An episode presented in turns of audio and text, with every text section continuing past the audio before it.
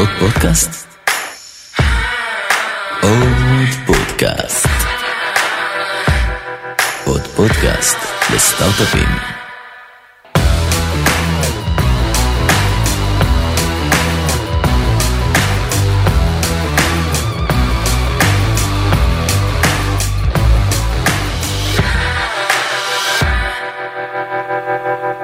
ניסים, מה קורה? שלום, מה נשמע? שלום. בסדר גמור, אני עוד מעט משלים סריה בחברה שלך ומראיין את כל הצוות המייסד והמנהל נראה לי לעוד פודקאסט לסטארט-אפים. הגעת לתחתית החבית.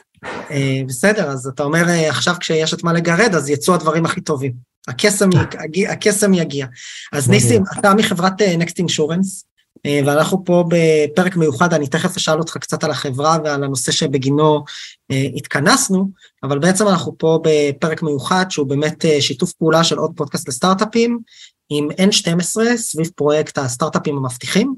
והפרק הזה עוסק בנושא ספציפי שכרוך באיך להקים חברה שהיום היא חברה צומחת בענף חדש וזר ליזמים. אז יהיה לנו פה אותך מנקסט אינשורנס ואת מיכאל מ-ADOC או AIDOC אה, ואנחנו נדבר על זה קצת. אז ניסים ככה, with no further ado, תן כמה מילים עליך, על נקסט, מה אתם עושים למי שלא מכיר. מעולה. אז אה, אני ה-CTO של נקסט ואחד היזמים של החברה. הקמנו את החברה לפני שש וחצי שנים, אה, כאשר החברה מרוכזת בתחום הביטוח לעסקים קטנים, שוק היעד הוא השוק האמריקאי. אז הש- הלקוחות שלנו הם בעצם אה, כל מה שאתם מכירים כעצמאים, אנשים שהם אה, self-employed מה שנקרא, או עסקים קטנים עם מספר מועט של עובדים, ואנחנו נותנים להם בצורה דיגיטלית מלאה מענה לצורכי הביטוח שלהם. כשאנחנו אומרים צורך, צורכי הביטוח של עסק קטן, זה בעצם אה, מגוון כיסויים שהעסק הקטן צריך בשביל לרוץ בצורה בטוחה. מחבות כללית, חבות מקצועית, אה, אובדן כושר עבודה של העובדים, וכן הלאה וכן הלאה, הרבה סוגי כיסויים שאנחנו מציעים ללקוחות שלנו.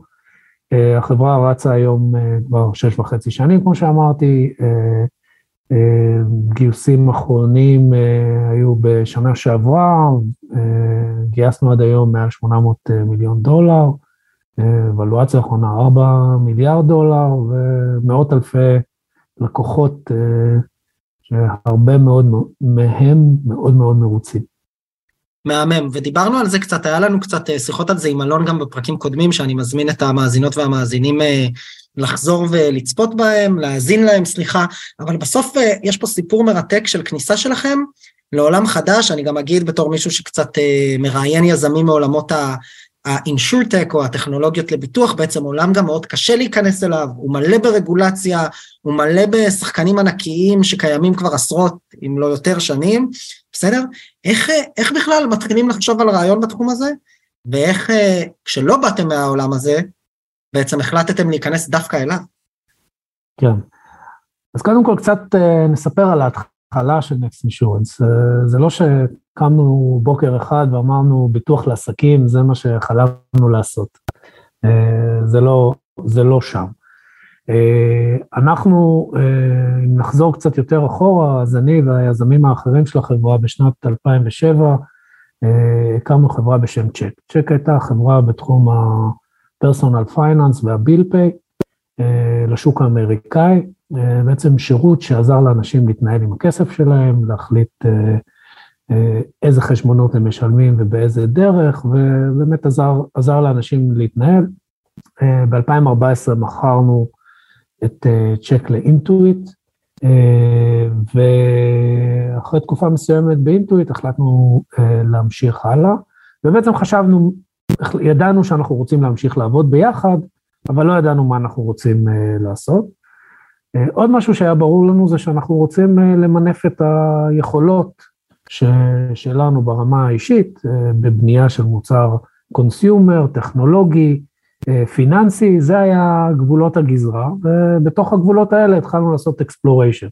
ה exploration כלל גם חקר שוק, גם הרבה מאוד שיחות עם אה, VCs אה, ואחרים בשביל להבין בעצם איפה, איפה הם רואים ש, שמתרחשות אה, הזדמנויות או, ש, או שמתרחש disruption. Uh, ומהר מאוד תחום הביטוח צף כאזור שהוא uh, מעניין, יש בו כשלי שוק אה, מובנים, יש בו שוק מאוד גדול, אה, ו- ויש חוסר שביעות רצון של אה, לקוחות ממה שהם מקבלים. זאת אומרת, יש, הייתה איזו הבשלה בתחום הביטוח, בטח בארצות הברית, שאוקיי, אפשר לעשות את זה יותר טוב. וזה היה גם הימים הראשונים, עוד לא היה את המושג הזה שנקרא אינשורטק, אבל התחילו פה ושם מיזמים סביב ביטוח דיגיטלי ש... שנראו מעניינים. וכשהסתכלנו יותר לעומק בתחום הביטוח, אז גילינו שתחום הביטוח לעסקים הוא שוק מאוד גדול, מעל 130 מיליארד דולר פוליסות בשנה, רק בארצות הברית, זאת אומרת, זה תחום אינסופי בשביל סטארט-אפ, וזה היה אחד המבחנים הכי חשובים שהיו לנו. כי זה, רצינו לבוא ולעשות משהו יותר גדול ממה שעשינו בצ'ק, עם יותר, עם יותר משמעות, עם, עם נגיעה ביותר אנשים, אז, אז תחום הביטוח לעסקים צף ועלה כתחום שהוא גם מאוד גדול מצד אחד, גם יש שם כשל שוק מאוד גדול, כמעט ואין מוצרים דיגיטליים בתחום הזה, זאת אומרת, הכל עובר דרך סוכני ביטוח וחברות ביטוח גדולות ומסורתיות, והשביעות רצון היא מאוד נמוכה. אה, אז זה, זה ברמת הפוטנציאל. אה, ולכן בעצם אה, אמרנו... זה לא הפחיד אתכם להיכנס לשוק הזה? שמובל על ידי שחקניות ענקיות, יש שם רגולציה, אתה צריך רישיונות וכדומה וכדומה? אז מה זה הפחיד? אנחנו הבנו כמה דברים, בשביל לשחק בשוק הזה, אז אנחנו נצטרך, אחד, כנראה הרבה כסף, בסדר? ו... וזה לא, לא משהו שהוא יהיה bootstrap או השקעה של כמה עשרות מיליונים, מדובר במשהו שיכול להתרומם רק בהשקעה של מאות מיליוני דולרים, אה, וזה היה אחד המבחנים, להבין האם נוכל לגייס אה, סכומים כאלה, אה, והסיגנלים שקיבלנו, כולל גיוס סיד מאוד גדול שעשינו, היו שכן, המשקיעים מעוניינים בשוק הזה, יש תיאבון אה, והם רואים את הפוטנציאל. זה, זה היה מבחן אחד, ש, ש, או קושי אחד שהבנו שאנחנו נצטרך להתמודד איתו. כן. אה, קושי שני, כמו שאתה אומר, זה, זה נושא של אה, רגולציה, שזה קושי שהוא מנג'בל, זאת אומרת, אין פה שאלת התכנות, אין פה איזה שאלת התכנות מוצרית או טכנולוגית, האם, האם אפשר להתמודד עם רגולציה? רגולציה זה משהו שאפשר להתמודד איתו. השקעה נכונה, אנשים נכונים ומתמודדים עם הרגולציה, צריך לדעת איך לעשות את הדברים, צריך להיזהר לא לעשות טעויות, כי טעויות אה, רגולטוריות הן אה, מאוד לא נעימות, אז צריך להתייחס לזה בזהירות הנכונה ובהשקעה הנכונה. אנחנו חווינו את זה גם בחברה הקודמת שלנו, שגם שם התעסקנו בהעברות כספים ותשלום חשבונות, ו... אז אנחנו מכירים גם את הנושא של הרגולטור בארצות הברית, אז זה דווקא לא, לא אחד הדברים שמאוד הפחיד אותנו, היה ברור שבהשקעה נכונה ובתשומת לב נכונה, פותרים את זה. המבחן אולי היותר משמעותי שהיה לנו, בגלל שזה שוק שהוא מתנהל כבר הרבה, הרבה מאוד שנים בלעדינו, באמצעות חברות ביטוח מאוד גדולות וסוכני ביטוח, הכל נראה מאוד uh, תפור והדוק, לראות האם, האם יש עניין בדיסרפשן בשוק הזה, האם הלקוחות יהיו מוכנים לשנות את מנהגיהם ולבוא לשירות דיגיטלי, לא מוכר, ולשים את מבטחם אה, בשירות הזה. וכאן צריך אה, להגיד, נכנס הרקע המאוד משמעותי שלכם כצוות יזמים, בעולמות ה-go to market, בעולמות ה-performance marketing, בלעשות ולידציה, דיברנו על זה גם עם אלון בפרקים קודמים, אני מצטער שאני עושה פה ספוילרים, אבל uh, בעצם ממש על היכולת שלכם לעשות ולידציה בסקל קטן בהתחלה, כדי להבין אם יש פה בעיה. נכון, וגם הגישה שלנו, הגישה שלנו לשוק, מתוך המקום הזה שאנחנו מבינים שצריך לעשות פה איזו בדיקה של השוק, להבין איך אנחנו בעצם עושים את ה-go to market, אז אנחנו מלכתחילה באנו ושמנו מדרגות. זאת אומרת, לא מהיום הראשון אמרנו, אנחנו נהיה קרייר, חברת ביטוח לכל דבר ועניין, ו- ונוציא את המוצר שלנו בכל המדינות וזה, התחלנו מאוד בקטן, אמרנו, אוקיי, בהתחלה אנחנו נעבוד כאג'נסי ונתחיל עם מוצרים של חברות ביטוח אחרות בשביל לבדוק את ההיתכנות של ה-go to market. וזה אפשר לנו ממש תוך כמה חודשים מרגע היווסדה של החברה, כבר לצאת עם איזו התחלה של אופרינג לשוק, להתחיל להרגיש את התיאבון של הלקוחות, להתחיל להרגיש את הקשיים שיש בהפצה הדיגיטלית של מוצר שעד היום הוא לא היה דיגיטלית, ומזה לגבש את האסטרטגיה שלנו הלאה כחברת ביטוח לכל דבר ועניין, על בסיס שאנחנו כבר יותר מבינים את השוק, יותר מבינים את הלקוחות, מקבלים איזה אינדיקציה לגבי ה-go to market, לגבי ה-unit economic, סליחה אם אני אומר קללות שפחות... אה, לא, לא, זה בסדר, אבל... אני לא נעלב, אני לא נעלב. אבל רגע, ניסים, לפני זה, אני רק חושב, אני כן חושב, אם זה בסדר שנעשה על זה רגע פינג פונג, שאני כן מרגיש גם סביב הנושא של הפרק, אם אני אהיה ישיר, וגם סביב האירוע עצמו, קצת אה, הקללת את זה למאזינים, ומה שנקרא, הצנעת את העבודה הקשה שהייתה, הרי בסוף, אני אנסח את זה במילים פשוטות. כדי לדעת איך אני מייצר קמפיין שיווקי ומסג'י נכון ללקוחות ובונה איזה דף נחיתה, אני יורד לרמה הכי ממשית ומנסה להביא יוזרים באיזה תקציב נמוך כדי לראות אם הם מוכנים ללחוץ על אה, כפתור הפיי לביטוח אה, לעסקים או ביטוח חיים או ביטוח אישי. בסדר? סתם זרקתי, הדוגמאות לא מחייבות את מה שעשיתם בהתחלה. אני אומר, בסוף היה פה, נדרשת למידה מעמיקה ברמה מאוד גבוהה כדי להבין בכלל באיזה שפה לדבר איתם, מה, איזה סוגי ביטוחים יש, מה אפשר למכור או לא, איך היום יזם שמאזין, יזם ויזמת שמאזינים לפרק הזה, עם אפס דולר בבנק ועם התחלה של רעיון, הרבה פעמים הם רק צוות, מאיפה מתחילים, עם מי מדברים, איך לומדים על שוק חדש שלא הכרת? אני מקווה שאתה, you can כן. resonate עם, ה, עם לאן אני לוקח את זה. לא, בלי ספק. אה, אה, זה, זה מאוד העסיק אותנו בימים הראשונים. אחד, אתה מתחיל בחקר שוק, להבין בעצם מי המוצרים שיש בשוק, מי הספקים שיש בשוק. מראיינים המון המון אנשים, אה, גם לקוחות פוטנציאליים, גם סוכני ביטוח, גם אנשים מחברות ביטוח. גם אה, משקיעים שעוסקים בתחום. זאת אומרת, זה עובר דרך אה, לימוד, אתה חייבים לבוא ממקום מאוד צנוע, להגיד, אוקיי, אני לא מבין שום דבר, בוא נלמד כל מה שאני יכול ממידע שזמין או ציבורית או דרך נטוורק אה, של אנשים. Mm-hmm. לימוד ועבודת שטח זה מרכיב מאוד חשוב, ואחרי זה זה מין פינג פונג שמתנהל בפנים, מצד אחד מה שאנחנו לומדים מבחוץ, מצד שני, אוקיי, מה ה disruption שאנחנו רוצים לעשות ואיך השוק מגיב ל disruption הזה.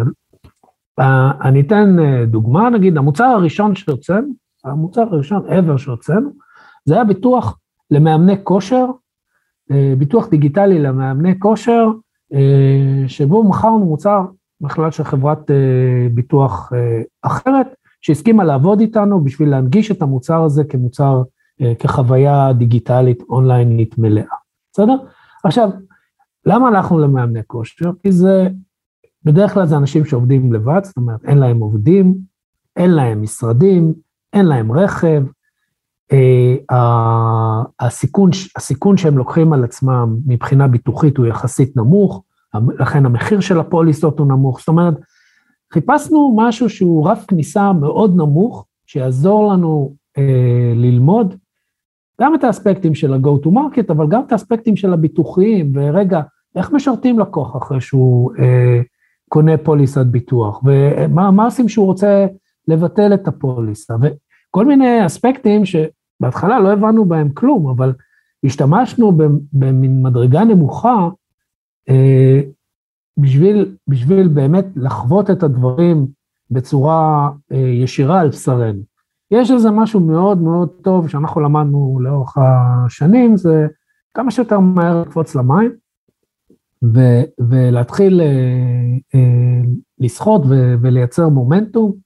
אה, מאוד עוזר, מה שלומדים, מה שלומדים בתיאוריה זה נהדר, אבל בסוף ההתחככות עם הלקוחות, עם השוק, אין לה תחליף. אה, אני בטוח שדיברתם אה, בעבר על קונספטים של לין סטארט-אפ, איטרציות, MVP, כל, כל הדברים האלה, לשים אותם בפרקטיקה אה, ו, ולעשות איטרציות מהירות, עוזר, עוזר לבנות את ההבנה. אז בעצם אני שומע פה רק ככה לפני שאנחנו מסיימים, בעצם מההתחלה הייתה שיחות, היו שיחות מאוד מעמיקות. קודם כל היה ניסיון בסטארט-אפ קודם שנמכר מכירה מאוד מוצלחת, ואז עשיתם שיחות ממה שאני שומע גם עם VCs, מה שנקרא עם שוק המימון, וניסיתם, וגם עם אחרים, וניסיתם להבין מה הטרנדים והתחומים החמים. זיהיתם את עולמות הביטוח כעולם שבו אתם גם מתחילים לראות שחקני, שחקני טכנולוגיה משתלבים, גם שוק ענק, גם הזדמנות, וגם הוא היה קשור בעקיפין, אם לא במישרין, מעולמות ה finance ומה שנקרא ה payments שעסקתם בהם קודם, אני טועה, לא טועה, נכון? כן. לגמרי, ובעצם... אני, רק, אני רק אחדד אולי כן, נקודה שאנשים, ברור. שאנשים אולי קצת אה, מפספסים לפעמים, הגופי מימון, הקרנות, אה, הם גם עושים ריסרצ', זאת אומרת, הם בעצמם, אה, במיוחד קרנות שהן מתמחות בשווקים מסוימים, הן לומדות את השוק והסיגנלים שהם אה, מייצרים מתוך הלימוד שלהם של השוק, זה אינדיקציות מאוד חזקות, זה גם סוג של נבואה שמגשימה את עצמה. כי אם קרנות, בתקופה שאנחנו התחלנו את נקסט, אה, אם קרנות שמנו את האינשורטק כאזור שהם הולכים להשקיע בו, זה איזה גורם מקל שעזר לנו לבנות חברה בתחום האינשורטק, כי, כי בעצם זה שקרנות הולכות ומשקיעות ובונות חברות אה, בתחום הזה, זה מייצר את הפתיחות ואת המומנטום, גם מול התעשייה הוותיקה, שבוא נגיד, אם היינו מנסים לבוא ולבנות את המוצר שאנחנו בנינו לפני 15 שנה, אני לא בטוח שהיינו מצליחים לעבור את המשוכות כניסה שבהם, שכמו שאמרתי, בהתחלה עבדנו עם חברות ביטוח קיימות, אבל בגלל שחברות הביטוח הקיימות הבינו שהדיסרפשן הזה מגיע, והבינו שהן רוצות להיות חלק ממנו, גם אם הן יושבות ומסתכלות רק על מה שאנחנו עושים, אבל עדיין להיות חלק מהשחקנים, עזר לנו לעמוד להם על הכתפיים ו- ולבנות את מה שאנחנו עושים. אז, אז יש פה יש איזה עניין של התזמון ושל הבשלות של השוק, שגם צריך לקחת אותו אה, בחשבון כשמתחילים מיזם. מעולה. עוד משהו ככה לסיום, שאתה רוצה להתייחס אליו נשנה, לפני שאנחנו מסיימים? אה, לשמור על צניעות, אני חושב שאחד הדברים ש... שעזר לנו זה שאנחנו באמת באנו ממקום אה, רגוע, לא חשבנו שיש לנו פתרון לכל דבר ולא חשבנו שאנחנו יודעים הכל, אלא באמת אה, לשמור על צניעות, ללמוד, להקשיב, אבל מצד שני גם אה, לשמור את הספקנות.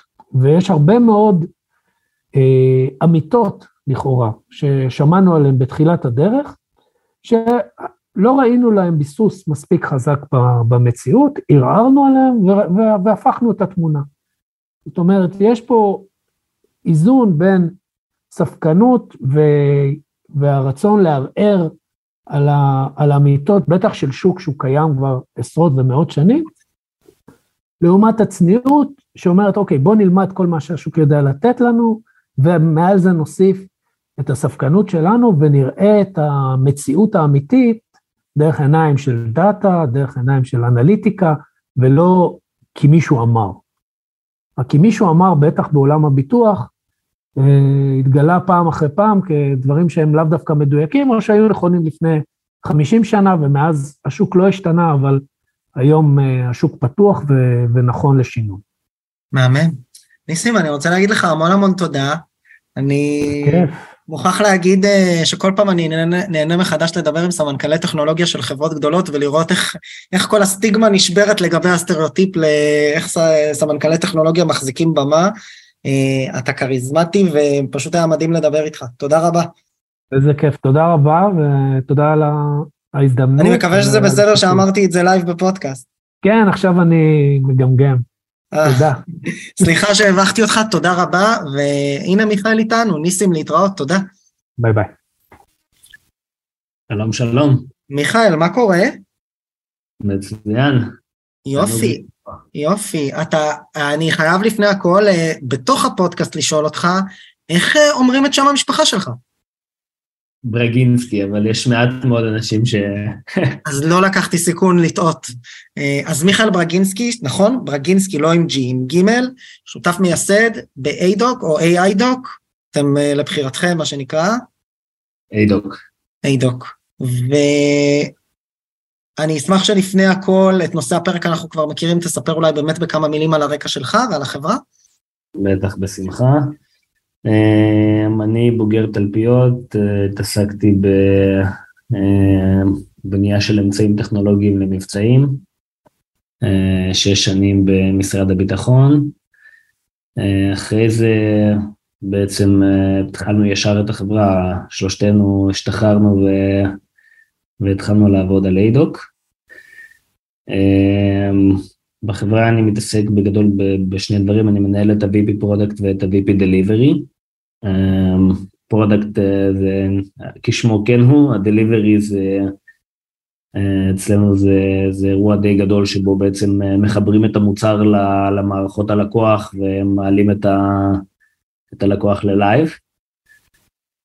אה, מה שהחברה מתעסקת בו בגדול אנחנו, אנחנו קיימים כבר שש שנים, אנחנו מתעסקים ב-AI רפואה, התחלנו מרדיולוגיה, אה, ובגדול מה שאנחנו עושים כחברה, אנחנו בונים אה, אה, פתרונות שעוזרים לרופאים לזהות מטופלים במצבי סיכון, לדאוג לזה שהמטופל הזה גם מזוהה בתוך המערכות, מצביעים עליו ודואגים לזה שהרופא יוכל לתפוס את המטופל הזה ולטפל בו במהירות האפשרית, כי זה דברים שלמרבה הצער אחרת מידרדרים אה, למצב. אתה יכול לתת קצת overview על החברה, עובדים, מספרים קצת?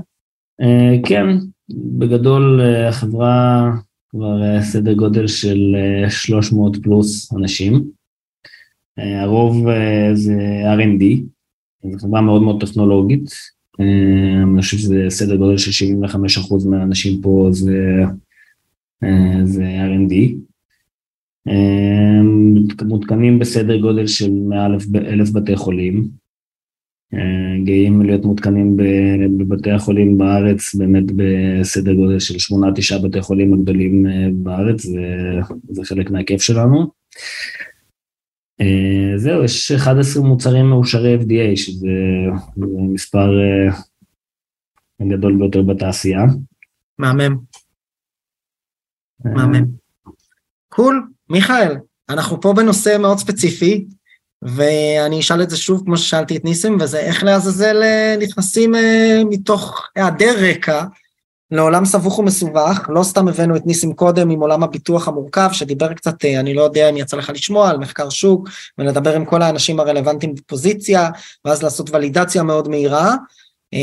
ועכשיו אנחנו מדברים על עולם הרפואה, שעל פניו, לי לפחות בבטן הוא יושב כאפילו עוד יותר מסובך, כי מערכת הבריאות, בטח האמריקאית, היא סופר סופר מורכבת. אז אם תוכל קצת לדבר על בכלל, איך הגעתם לרעיון אולי, וככה באמת על תחילת הדרך, ואיך בכלל התחלתם להבין מה הבעיה ואיך פותרים אותה. כן, אז אה, כן, קודם כל אתה צודק, זה תחום אה, באמת, אה, מה שנקרא, ניסו, ניסו לשכנע אותנו לא להיכנס אה, לדבר הזה מרוב שזה, מרוב שזה מורכב.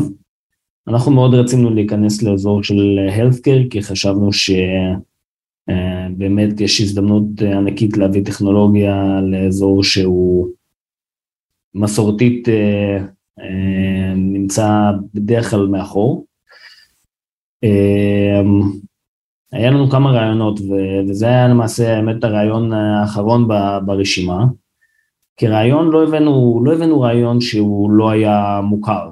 הבעיה הייתה מוכרת, אה, אה, זה לא היה משהו גאוני מבחינת אה, רעיון, גם היו חברות לפנינו ויש עוד הרבה חברות שחשבו על כיוונים דומים. המורכבות הייתה באמת להצליח להפוך את זה מרעיון למשהו שאלפי בתי חולים יכולים להשתמש בו ביום יום, ובאמת לטפל במטופלים בצורה יותר טובה עם מערכת AI.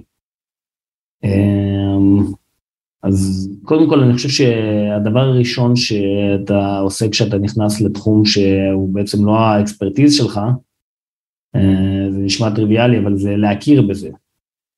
זה להבין שאתה חסר מושג במה שאתה, שיש לך רעיון מעניין, אבל אתה חסר מושג אה, ואתה צריך אה, מה שנקרא להתחיל לפתח אה, הבנה.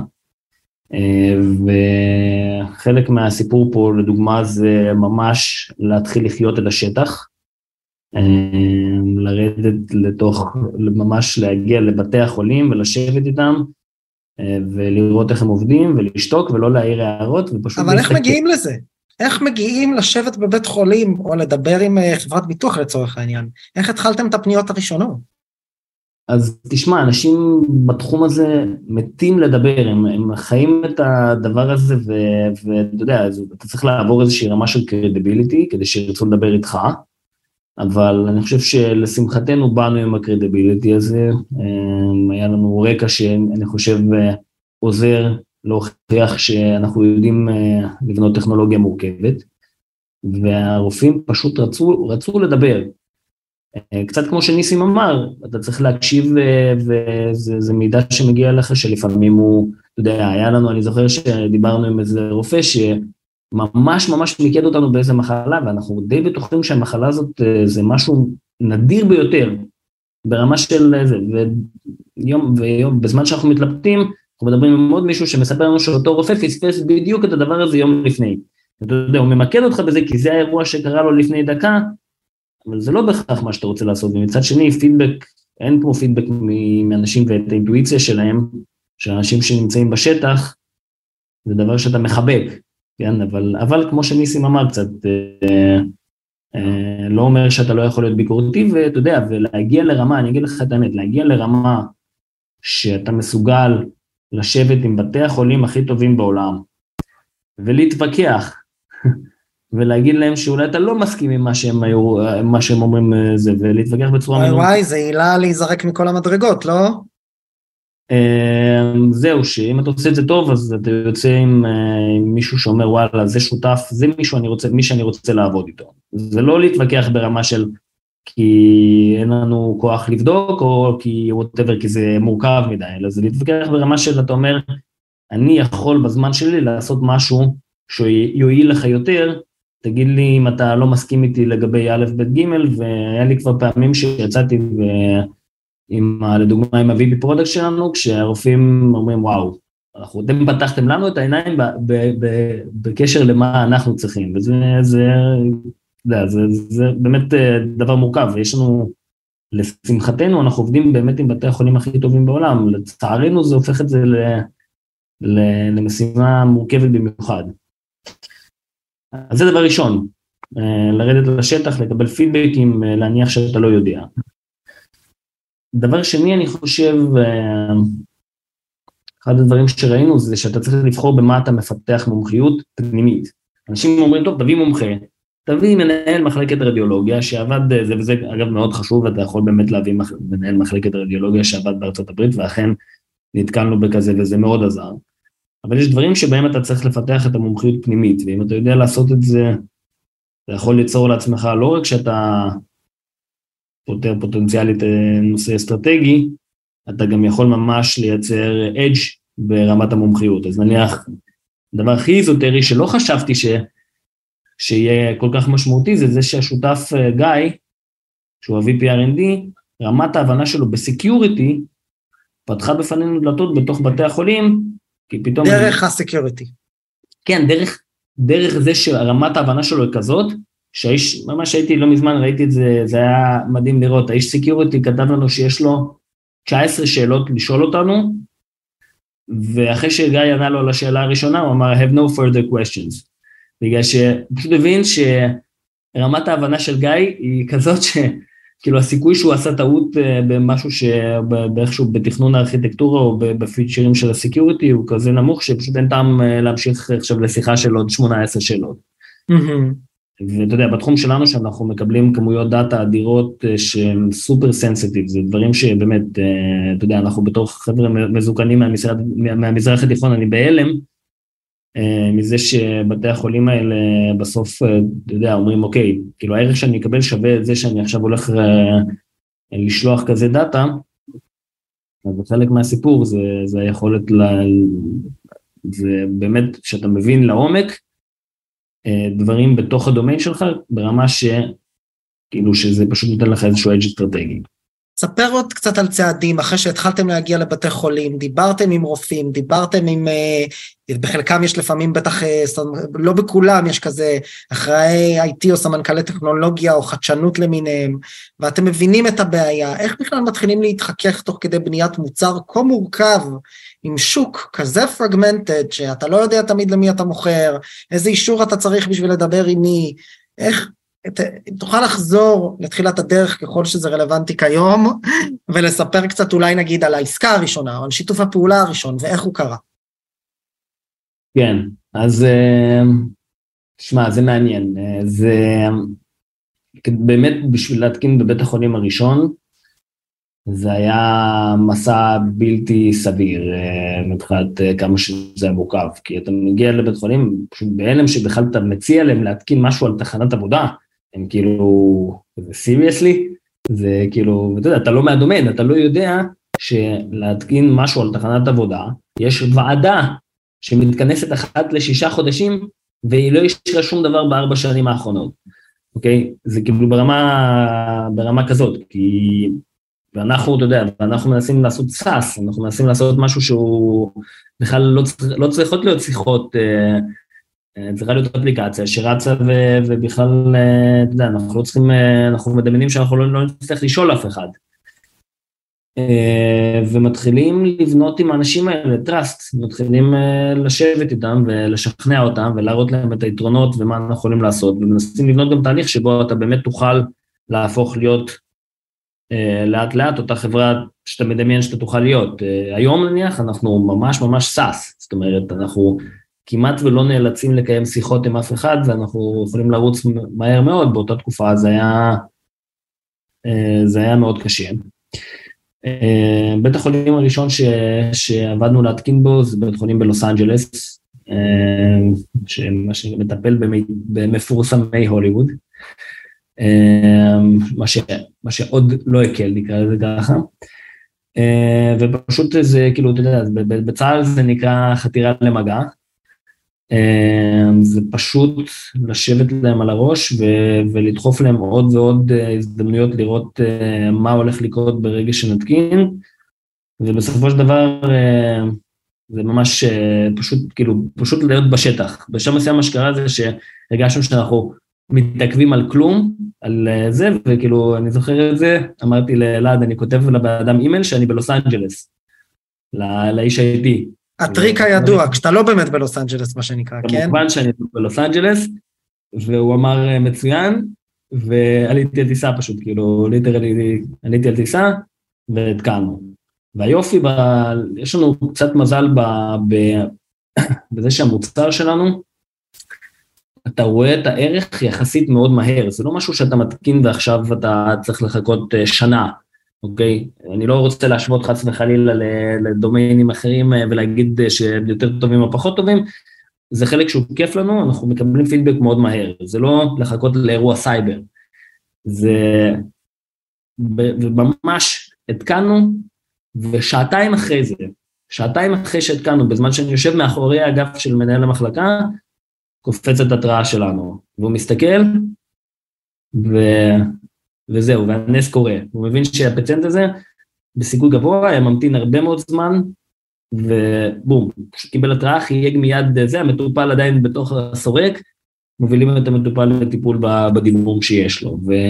וזה כמובן, אתה יודע, מאותו רגע, אתה כבר מתחיל לרוץ, והאיש האיטי מתחיל להגיד איך אני מוודא שיש את זה בעוד תחנות עבודה, ופתאום אתה רואה אימיילים מרופאים, למה זה לא מעודכן אצלי, ו... ודברים מתחילים לזוז, ואז בבית חולים הבא פתאום הם מדברים על בית חולים הזה, ופתאום, אתה יודע, יש, בסוף הכל תלוי ב... ב אתה יודע, תלוי בvalue שאתה מסוגל להביא, אף אחד לא יזוז מהר אם אה, בסוף, אתה יודע, הוא פותח את זה והוא רואה... בסוף כן, משהו. זה חסר משמעות מה שנקרא. כן. וכשאתם מסתכלים uh, היום על, uh, על, שוק ה, על שוק הבריאות, אולי, אם אפשר לקרוא לזה ככה, איך, אה, איך בסוף אתם אה, מבטיחים להישאר up to date? הרי השוק עובר כל כך הרבה שינויים, גם רגולטוריים, יש כל כך הרבה שחקנים, מרפאות, רופאים, בתי חולים, חברות ביטוח, גופים ממשלתיים. איך עושים סדר בכל הדבר הזה ובאמת מתחילים להיכנס לשוק כל כך מורכב? אה, זה נכון, כל מה שאמרת זה באמת, אנחנו מגרדים, אנחנו מרגישים שכשסיימנו לגרד שכבת מורכבות מסוימת, אנחנו מגלים שהגענו לשכבת המורכבות הבאה. אה, אבל אני אגיד ככה, א', ממשיכים בתהליך למידה מאוד מאוד אינטנסיבי, כאילו, ממשיכים להניח שאתה לא יודע, ודבר שני, אני חושב, אתה יודע, זה משהו עמוק מאוד בתרבות של החברה, כי החברה שלנו היא בנויה ערכית, ממש הבסיס שלה, בצורה שהיא מניחה איזושהי צניעות, וזה שאתה כנראה לא יודע משהו שאולי מישהו אחר, בין אם בתוך החברה או מחוצה לה, יכול כן לדעת, או יכול כן לשים אליו לב. אז נניח בתוך... מה שנקרא, גם כשאתה בתוך השוק, כבר עובד עם בתי חולים, מייצר הכנסות, המוצר עובד, יש לך אישורי FDA, תניח שהשוק ever changing, מה שנקרא. נכון, ותניח את זה לרמה עמוקה ביותר. תניח שאולי אתה עושה משהו, את המשהו הקטן הזה, אתה יכול לעשות אחרת, ושאם תשמע מישהו שיגיד לך משהו אחר, אז תקשיב לו, אז זה מזה שלקוח שפונה, מקבל את מלוא הקשב, יש תהליכי פידבק באמת מה, מהעמוקים שאפשר לדמיין, שבהם מדברים חופשי לחלוטין ו, אה, ו, אה, ואנחנו מקשיבים ובאמת מנסים אה, ליישם מה, ש, מה שאפשר, אבל גם בתוך החברה, זה תהליכי שקיפות מאוד מאוד, כאילו אנחנו, אני באמת חושב שכאילו בהקשר הזה אנחנו, אני מעריך שאנחנו די מיוחדים. מתוך האמונה הזאת שיש לנו אנשים מאוד חכמים והם יכולים להביא תובנה משמעותית, אה, בנינו את החברה בצורה שהיא באמת, רמת השקיפות וה, והפתיחות היא כנראה מהגבוהות שאפשר לדמיין. אם זה מסתם, דוגמה, כל חוזה שהחברה חותמת מול לקוח, על סכומו ועל, ועל מה מכרנו בדיוק, נשלח לכל החברה. מאות אנשים מקבלים את זה. כל היומנים פתוחים, כולם מוזמנים לכל פגישה שהם רוצים אה, להיכנס אליה. אנחנו לוקחים אנשים ללמוד מהלקוח, זאת אומרת, כולל מפתח, ייסע איתנו לראות עם הלקוח איך הדבר הזה נראה, כי הוא מפתח בעצם ראייה הרבה יותר עמוקה של, של מה שהוא עושה, ובסוף הוא יוכל להבין, תראה, צריך להבין, בשקיפות, לא מספיק ש... או בפתיחות, שקיפות, לא מספיק שאנחנו, שאתה רוצה לשמוע דעה של מישהו אחר. אתה צריך גם לאפשר לו לפתח דעה מלומדת, אתה יודע, אוקיי, מישהו יגיד לי, לא, לא כדאי לעשות ככה, כאילו, אם מישהו איזה חסר מושג, אז זה סיכוי שהוא הביא לי איזושהי דעה מאוד מעניינת, הוא מאוד נמוך. לעומת זאת, אם הוא נחשף לכל התהליכים אה, ול, ולצורת החשיבה, והוא שותף, אז וואלה, יש סיכוי לקבל משהו שהוא משמעותי, והמשהו הזה יכול להיות מה שישנה את הדרך שבה אנחנו עובדים וישנה את, ה, את המוצר. היה לי מקרה ממש מעניין, אני אספר לך, אה, לאחרונה, העלינו לשיחה עם כל החברה, עם כל החברה, מאות אנשים על הזום, אוקיי. לקוח שלנו, שאנחנו יודעים שהוא חושב עלינו, הוא אוהב אותנו בגדול, אבל יש לו דעה מורכבת. והוא אומר מול כל החברה, על איזה תת מוצר שאנחנו מפתחים, שהוא חושב שזה בכלל לא רעיון טוב ולא צריך לפתח אותו. אוקיי. ו... ואתם לא מפחדים uh, מהפגיעה במורל וכדומה? לא, אני אפילו שמח שהוא אומר את זה, כי הוא חושף את המורכבות, ואנשים צריכים להיות מסוגלים לעכל את זה, ואנחנו לא עוטפים את זה ולא מפלטרים את זה, וגם לא עושים דקה אחרי זה שיחה לכולם להרגיע אותם, לא... אה, זה, ואני, יודע, מחזיק את עצמי, ואני לא מגיב לו בשיחה, למרות שיש לי מה להגיד ואני חושב שהוא טועה. Okay. וזה היה לפני איזה חודש וחצי, וממש יום שני דיברתי איתו בערב, ואמרתי לו שאת אה, מחדש את דעתי, ואמרתי, אתה יודע מה, יכול להיות שאתה צודק. אבל זה לא משנה, כאילו, אבל הפואנטה זה לא לפלטר, לתת לאנשים להרגיש את זה, כולל אם נאמר משהו לא נעים, כי בתוך... לחשוף אותם למגוון דעות ומגוון אפשרויות. ממש ככה, ובתחום, במיוחד בדומיין שאתה לא, זה, זה לא התחום האקספרטיז שלך במקור, אתה, זה כל כך חשוב. אתה אומר, זה לא אם הדעה שלו נכונה או לא, זה לא בכלל איך זה יגרום uh, לעובדים להרגיש כרגע, זה בכלל אפילו לא הפידבק על המוצר הספציפי. מה שאני שומע פה זה לגרום לכל החברה להבין איך הלקוח והמרקט שלי חושב. מסכים, לא מסכים, נכון, לא נכון, מוריד מורל, מעלה מורל, זה בכלל לא השאלה, אתה אומר. בול, אתה, זה לגמרי זה, זה לפרוס את הספקטרום, זה להבין שדברים הם לא תמיד, אה, אה, אתה יודע, יש דעות מורכבות, יש נימוקים, יש ויכוח, יש כל, כל, כל מיני דרכים לעשות את זה. עצם זה שאנשים פה שומעים את זה, גורם להם לחשוב על זה בצורה אחרת. ומחר המפתח שהגיע אתמול, שומע את זה ומקבל החלטה קצת, בזווית קצת שונה ממה שהוא קיבל, בגלל שהוא פתאום הראש שלו נראה, כאילו, חושב אחרת. ואם כן. אתה בא ומוותר כל הזמן, אין, הכל, אתה יודע, כאילו, מה לעשות, לחברות יש נטייה לבוא ולהגיד, הכל מוצלח, הכל מושלם, הלקוחות אוהבים אותנו, ואז להתרסק. וזה, וכאילו חלק מהסיבה לדעתי זה שפשוט מפחדים, אני חושב שאתה יודע, מפחדים מההשלכה הזה, אבל אם אתה עושה את זה לאורך כל הדרך, אני חושב שיש לך יותר סיכוי אה, להצליח, גם אם, גם אם מישהו נקודתית, המורל שלו אולי נפל מהדבר הזה. אני שמח שהוא נפל, כי הוא צריך להבין גם ש... אתה יודע, זה כאילו, זה, זה השריר הזה שאתה מבין שהדברים הם, לצערנו זה לא בינארי. אז מה אתה ממליץ ככה, אנשים שמאזינים לנו, יזמות ויזמים בתחילת הדרך, שבאמת באים להיכנס אה, לאיזשהו שוק חדש, איך, מאיפה הם בכלל צריכים להתחיל? אמ, אז אה, א', תמיד טוב להתחיל מפשוט אנשים שמצליחים אה, לחבר אותך למישהו שמסוגל לחבר אותך למישהו, אין מה לעשות. אה, ביום הראשון אתה לא מחייג, אתה לא פותח דפי זהב ומתחיל לחייג, אתה משתדל למצוא מישהו שיכול לחבר אותך לשיחה. להתחיל לפתח חשיבה, להיות מסוגל, הרבה מהשיחות שלנו היינו מסוגלים לעשות שיחה כזאת, אתה יודע, שיחה ראשונה אז אתה, אוקיי, כאילו מישהו חיבר אותך, בסדר, אחלה. אבל בשיחה השנייה, הדבר הזה כבר לא יעבוד, אתה צריך להיות מסוגל שבשיחה השנייה, הבן אדם ירצה לדבר איתך בגלל שאתה מביא לו איזשהו ערך. אז יש פה ממש כאילו כזה קונספט בחברה של אתה חייב לייצר ערך לצד השני בשיחה כדי שהוא ירצה לעשות איתך את השיחה הבאה. Mm. אתה יודע, לפתח את, ה, את היכולת לבוא ואתה יודע, את הצד הפילוסופי שבעניין, שהבן אדם הזה פשוט יהיה מסוכן אה, לעשות איתך את השיחות הבאות.